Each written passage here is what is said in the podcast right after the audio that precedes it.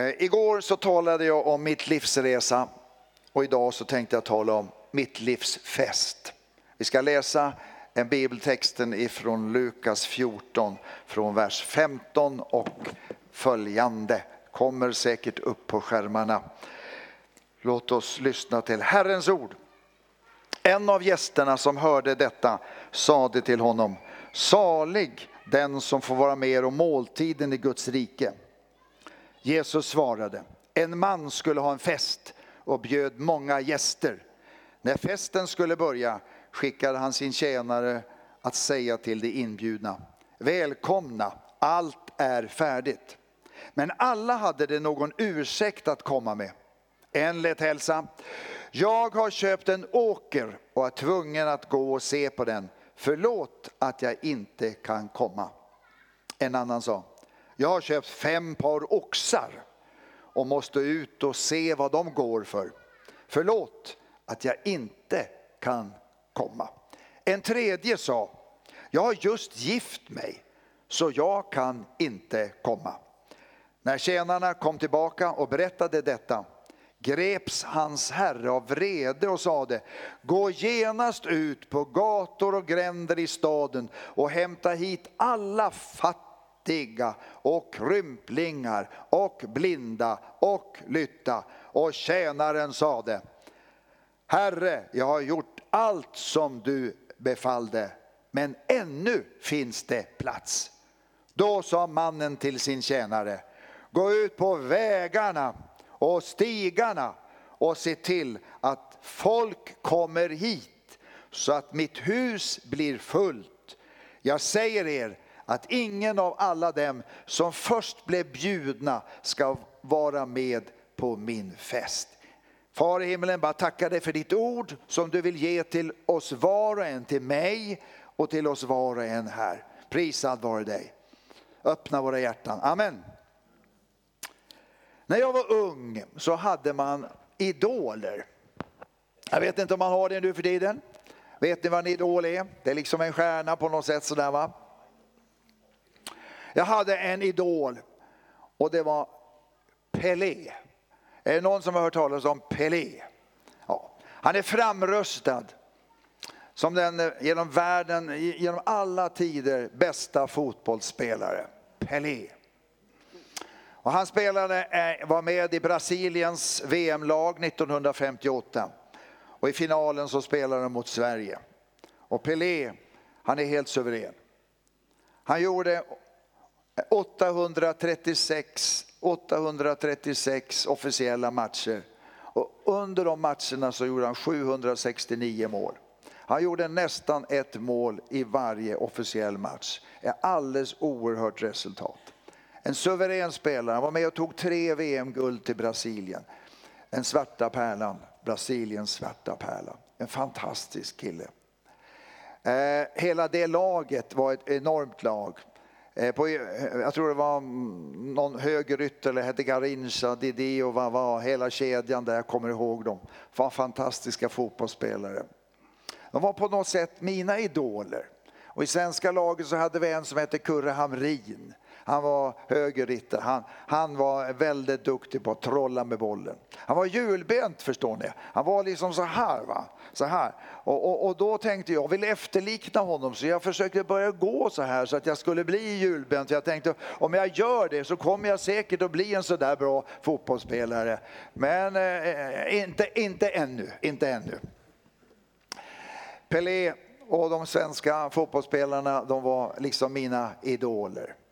Men sen hade jag också en annan idol, det var Ingemar Johansson. Jag vet inte om ni har hört talas om honom. Han blev liksom världsmästare i tungviktsboxning. Och efter det fick jag läsa allt om honom och såg liksom hur, hur hans stil var så där. Så tog jag fram boxningshandskarna och, och, så, och så mm, ringde jag till min kompis Hans-Ove, kan inte du komma upp sa jag. Och så startade vi en, en boxningsmatch där. Det slutade med att vi blödde båda två och mamma blev förtvivlad.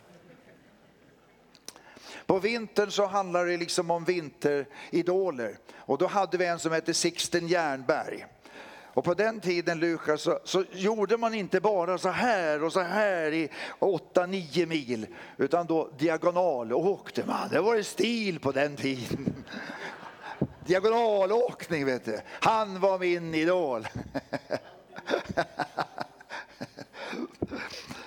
Ja, det var några idrottsstjärnor där som jag hade som idoler. Men sen hade jag också Martin Luther King. Honom har ni hört talas om, eller hur? Va? Och det liksom var också min, åh vad jag såg upp till honom.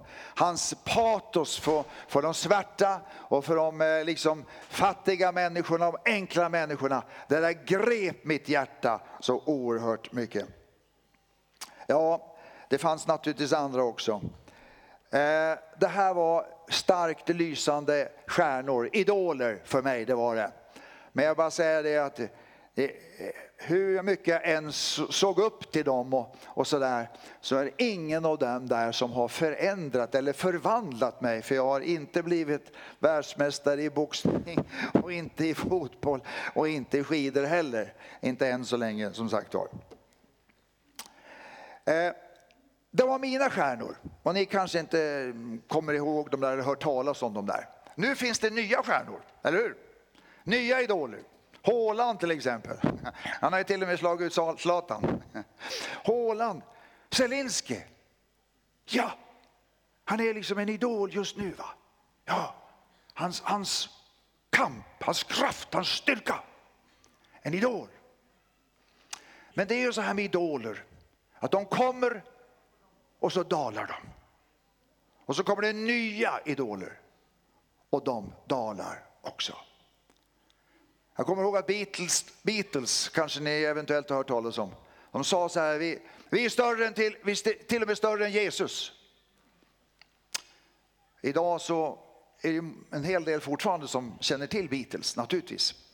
Men det är ju så där med alla idoler på något sätt. De har sin stjärnor, de har sin eh, höjd va? men sen dalar man.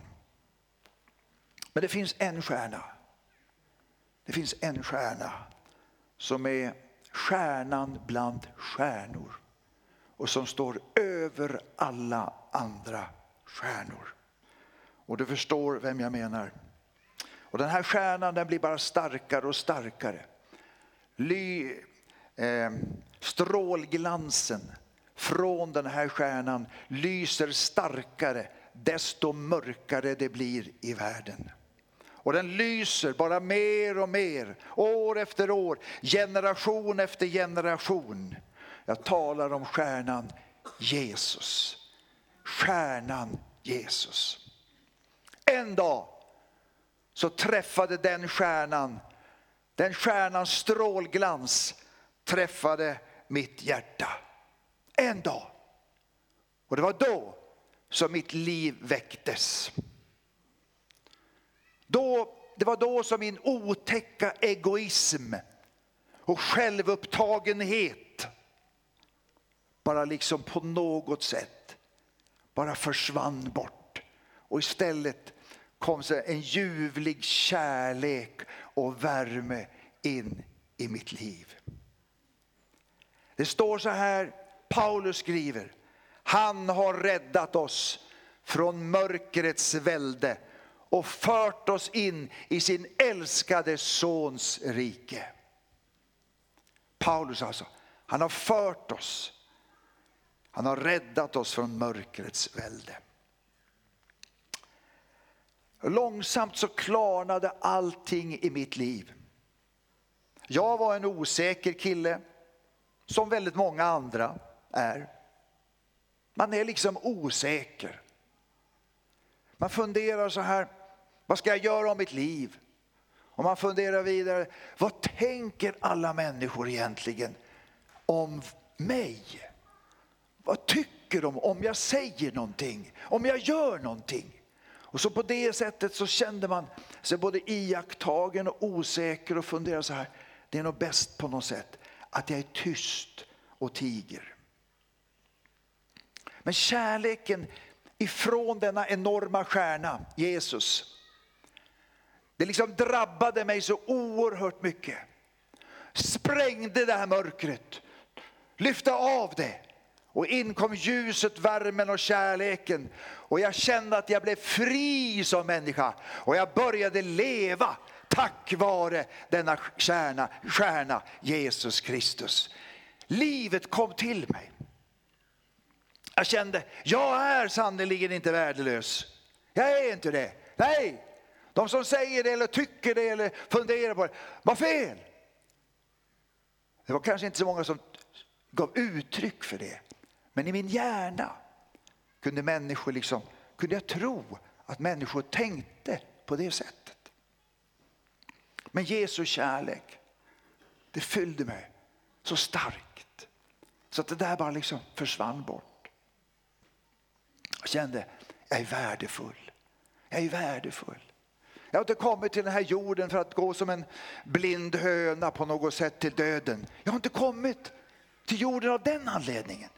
Nej, jag har kommit till jorden av en anledning. Att vara med och förvandla denna värld.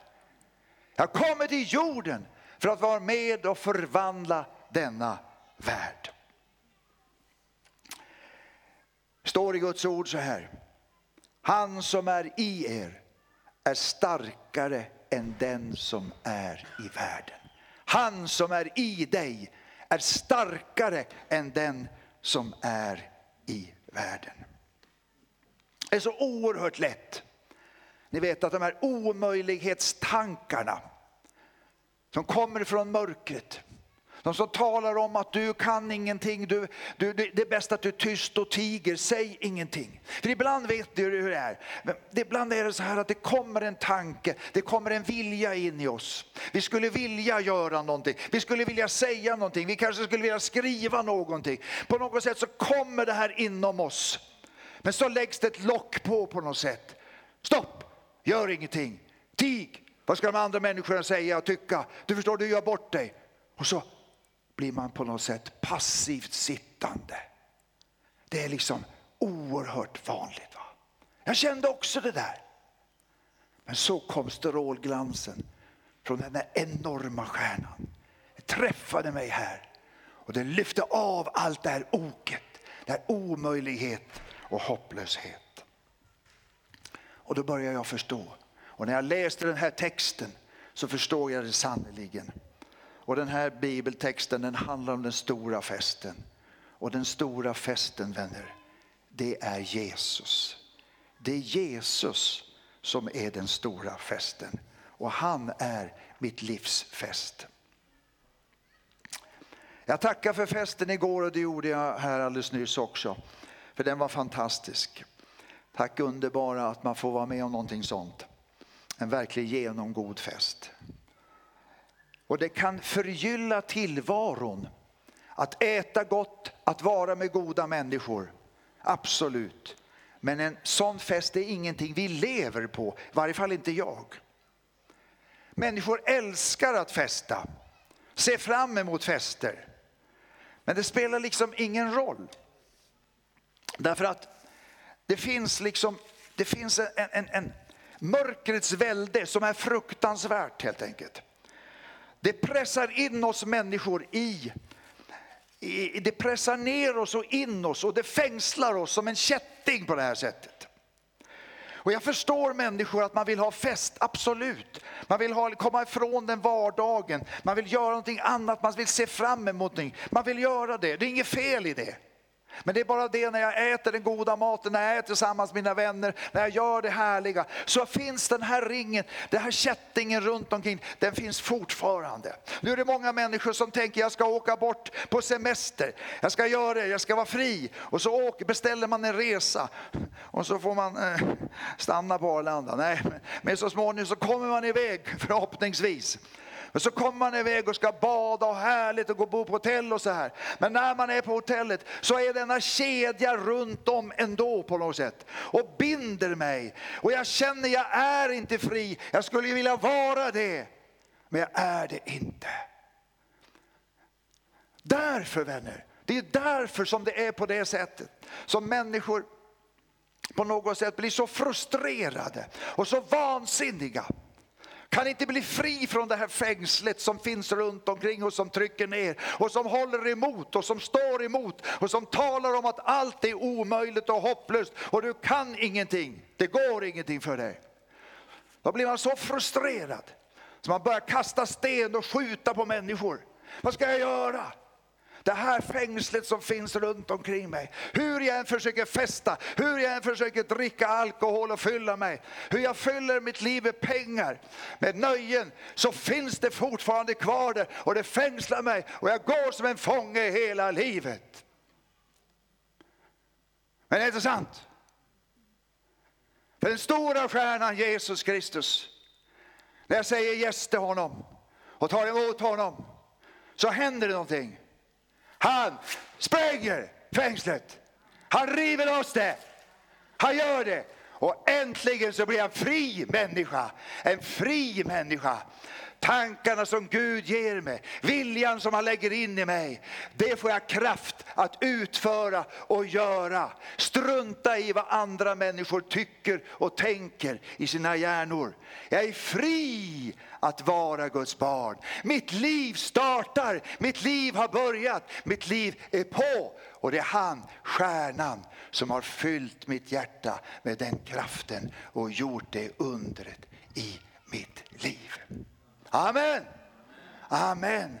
Han som i er är starkare än den som är i världen.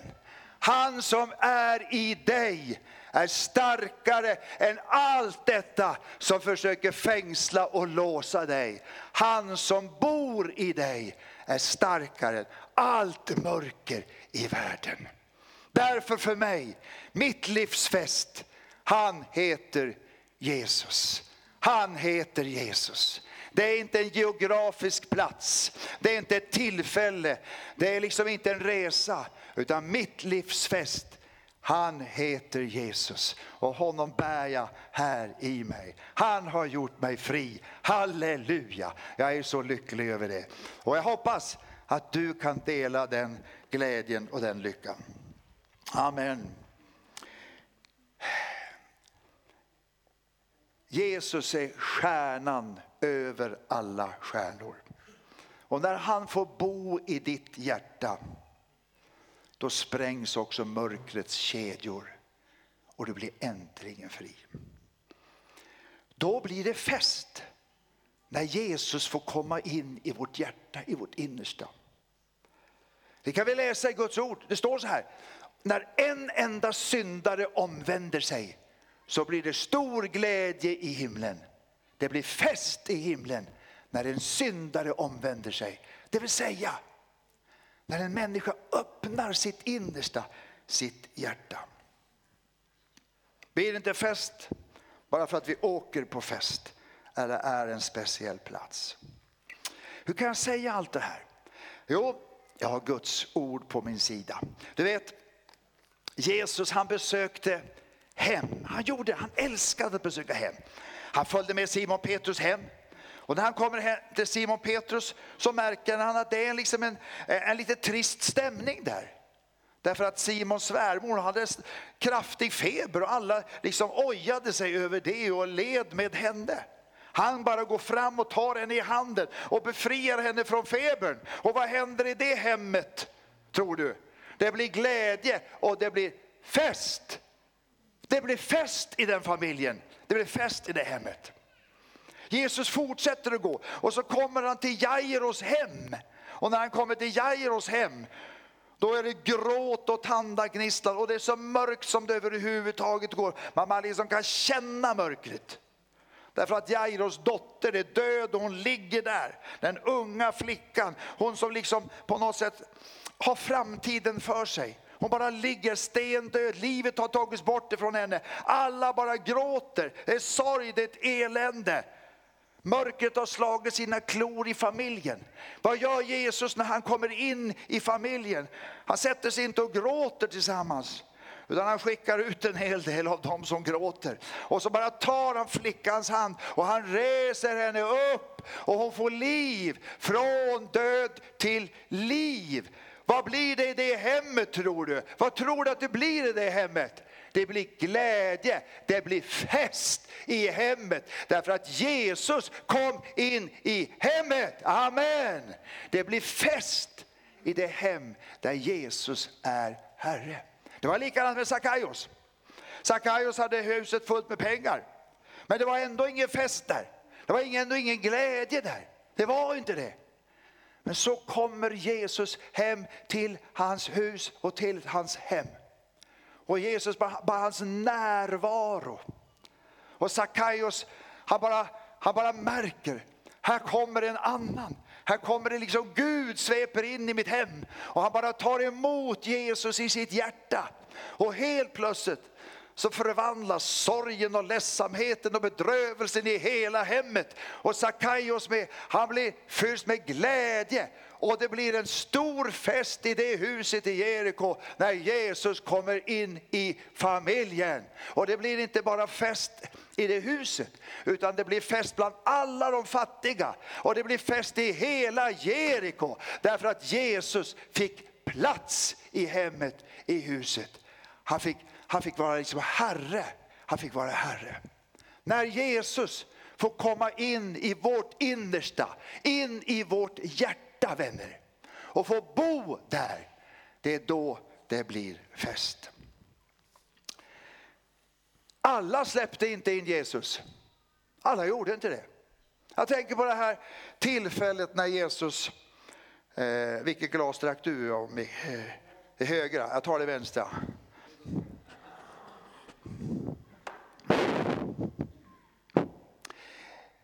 Jesus hade ju en hemstad, Nasaret. Nasaret. Och, och, och liksom, en dag så var han på väg in i Nasaret, sin hemstad. Och han predikade evangeliet i synagogan. Han predikade ett fantastiskt budskap. Men människorna där, de tog inte emot honom. De tog inte emot honom. Och därför förblev den staden i ett mörker. Då och för framtiden på många sätt. Kanske ännu idag. De tog inte emot. De fick inte del av glädjen. Sen kan de festa hur mycket som helst. Men den verkliga festen har de gått miste om. Naturligtvis så erbjuds det också i fortsättningen. Nu vill jag fråga dig som är här. Vi som brukar gå på gudstjänst här. Och du som är här kanske någon gång ibland, våra gäster. Har du släppt in Jesus i ditt hjärta? I ditt innersta? Har du gjort det? Du vet, ditt innersta, det är hjärtat. Det står i Guds ord så här. Var rädd om ditt hjärta, ty därifrån utgår livet. Alltså, vi har någonting innersta här. Vi har det, som Gud har gett oss. Och det som vi släpper in i det hjärtat, det skapar oss som människor. Det skapar våra tankar, våra handlingar. Det skapar också vår framtid. Det du släpper in i hjärtat, den framtiden kommer du att möta. För hjärtat är det innersta. Vad har du släppt in i ditt hjärta? Det är väldigt lätt att släppa in väldigt mycket där. Vi har våra intressen vet du och vi har en massa grejer. Och det är lätt att det blir liksom en samlingsburk på något sätt så. Och ibland så funderar jag, varför blir inte mitt liv bättre? Varför blir inte mitt liv som era som jag önskar? Ibland tänker vi så. Och min fråga till dig är, vad har du släppt in i hjärtat? Och den följdfråga blir, har du öppnat helt och fullt i ditt hjärta för Jesus Kristus? Stjärnornas stjärna. Jag frågade inte om du brukar komma på gudstjänst. Jag frågade inte ens en gång om du brukar börja läsa Bibeln. Jag frågar inte om du brukar vara med och sjunga lovsång eller lyssna på det. Det handlar inte riktigt om det. Utan nu idag så handlar det om vad har du i ditt hjärta? Det är det det handlar om. Vad låter du få plats där? För det som är där, det är det du tänker på. Det är det som formar dig. Det är det.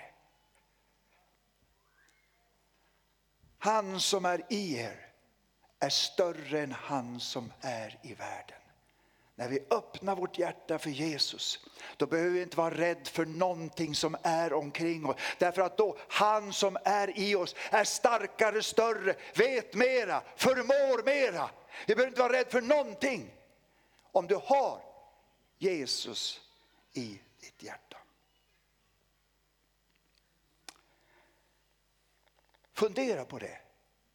Och var ärlig när du funderar. Och svara inte bara så där generaliserande, jo men jag försöker ha Jesus. Utan svara i tysthet. Har du Jesus i ditt hjärta? Eller är han i källaren eller på vinden? Det är frestande att ha det på det sättet. Därför att när jag kommer i knipa så är han inte långt borta. Då kallar jag på honom. Kom, kom, kom. Men det var inte det det var frågan om. Utan frågan är, vad har du i ditt hjärta? Vad är det som liksom längst in? Vad är det du, du drömmer, tänker på, jobbar med så att säga? Vem är det som styr där inne? Igår så överlämnade jag ratten till Lukas för församlingen. Vi har möjlighet att överlämna ratten till Jesus. Vår personliga ratt. Jesus, ta min ratt. Börja, börja vara herre i mig. Inte låtsas. Jag låtsas, jag spelar inte en, en låtsasroll. Jag försöker inte imitera att vara en kristen. Nej, jag har ju tagit emot Jesus här inne. Och det är han som har styrkan att bryta allt det som tynger det mörka som vill göra mig illa. Jag tror att det finns många människor som i grunden vill tro. Och som, ja, man vill göra det. Man har en tro. Men jag stänger mitt hjärta och kanske jag tänker så här, att om jag inte släpper in Jesus riktigt i mitt hjärta, utan jag behåller något för mig själv, om jag har något av mig och mitt och mitt eget i mitt hjärta, så tänker jag då gör jag en fördel utav alltihopa. Jag gör en stor vinst nämligen. Jag kan gå min egen väg, göra som jag vill och när knipan kommer så kallar jag på honom. Jag, alltså, jag är smart. Men det är det du inte är. Därför att då är krafterna som finns runt omkring dig de mörka krafterna. Mörkrets välde är så oerhört starkt så det bara kryper närmare och närmare och närmare. Och du har ingen chans i din egen kraft att säga till mörkret att försvinna. Det går inte. Men när Jesus är Herre i ditt hjärta, när han bor där, då är han starkare än den som är i världen. Och då får du uppleva en fest en fest min vän, en glädje. Får jag fråga dig, när du vaknar på morgonen, vaknar du med en glädje på dina läppar? Eller vaknar du ibland med bara en sorg? En sorg. Och ibland funderar jag kanske så här, men jag jobbar ju så mycket, jag gör ju så mycket, men ändå så känns det som det är bara en sorg. Min fråga är, är det Jesus som är i ditt hjärta? Eller är det någonting annat som har nästlat sig in? Som har imiterat Jesus kanske? Och som bor där.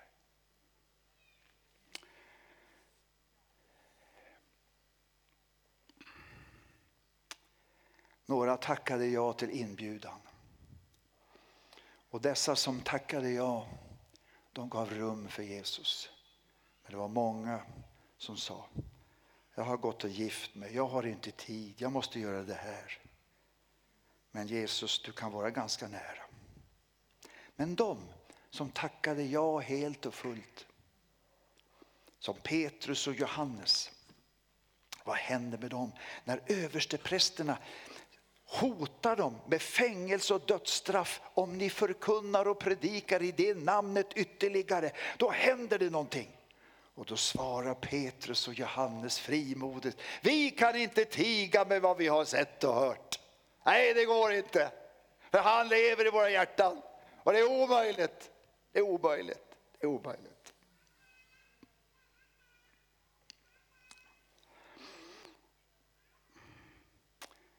Alla de som har inbjudit Jesus i sitt hjärta, som har drivit rum för Jesus. Jesus lever i hjärtat. Exakt samma sak som Petrus och Johannes. Det går inte att få stopp på den människan. Den här texten, den tycker jag säger så här. Att den, den talar om att vi ska göra vårt yttersta som församling. Att sprida evangeliet till människor. Vi ska göra vårt yttersta. Yttersta att nå människor. Och inte bara nå dem utan hjälpa dem in i festen, in i Jesus. Och när jag läste den här texten många gånger så hörde jag Herren säga Lasse, skynda på, skynda på, skynda på. Och jag känner tiden är kort. Vi ska fylla festsalen, men tiden är kort. Tiden är kort. Det är bråttom. Jesus är på gång tillbaka till den här jorden. Vi vet att han ska komma tillbaka. Vänner, alla tecken runt omkring när vi lägger ihop dem så förstår vi det. Hans ankomst är mycket nära. Därför den här texten säger till oss alla så här. Kära församlingar var ni än är någonstans, skynda på och kom ut med evangeliet till människor. Låt mig sammanfatta. Vi lever i den yttersta tiden. Jesus är på gång till jorden. Uppryckandet står för dörren. Snart kommer alla som tillhör Jesus att ryckas upp och möta Jesus. Det dröjer inte länge. Men Jesus dröjer av en enda orsak. Att han vill att flera ska komma in i festen och få del utav befrielsen och frälsningen. Det andra. I den här tiden är det kyrkan och församlingens absolut viktigaste uppgift att gå ut och nå ut och gå ut med evangeliet, med Jesus. Det finns inget viktigare i ungdomsarbetet, i äldrearbetet, i sången och musiken, i predikan, i det ena efter det andra. Det finns ingenting som är viktigare än att hjälpa människor att öppna sina hjärtan och låta Jesus få komma in och bo i det innersta i en människa. Det är då som festen börjar. Det finns inget viktigare. Kära vänner från Sinsareni, från Deva, från Elva, från Poni och från Kilia. Det finns inget viktigare i den här tiden än att föra människor till Jesus och låta honom få komma in. Hur gör vi det? Hur gör vi det? Låt mig säga, vi gör det inte genom att tjata. Så här ska vi göra. Vi gör det inte genom att tvinga församlingen och människor att ni måste gå ut. Nej, det är inte framgångsrikt. Men det som är framgångsrikt det är att vi gör all kraft för att bedja. Att alla församlingsmedlemmar, att alla som är troende, att de öppnar sina hjärtan helt och fullt i hundra procent och låter Jesus bli Herre.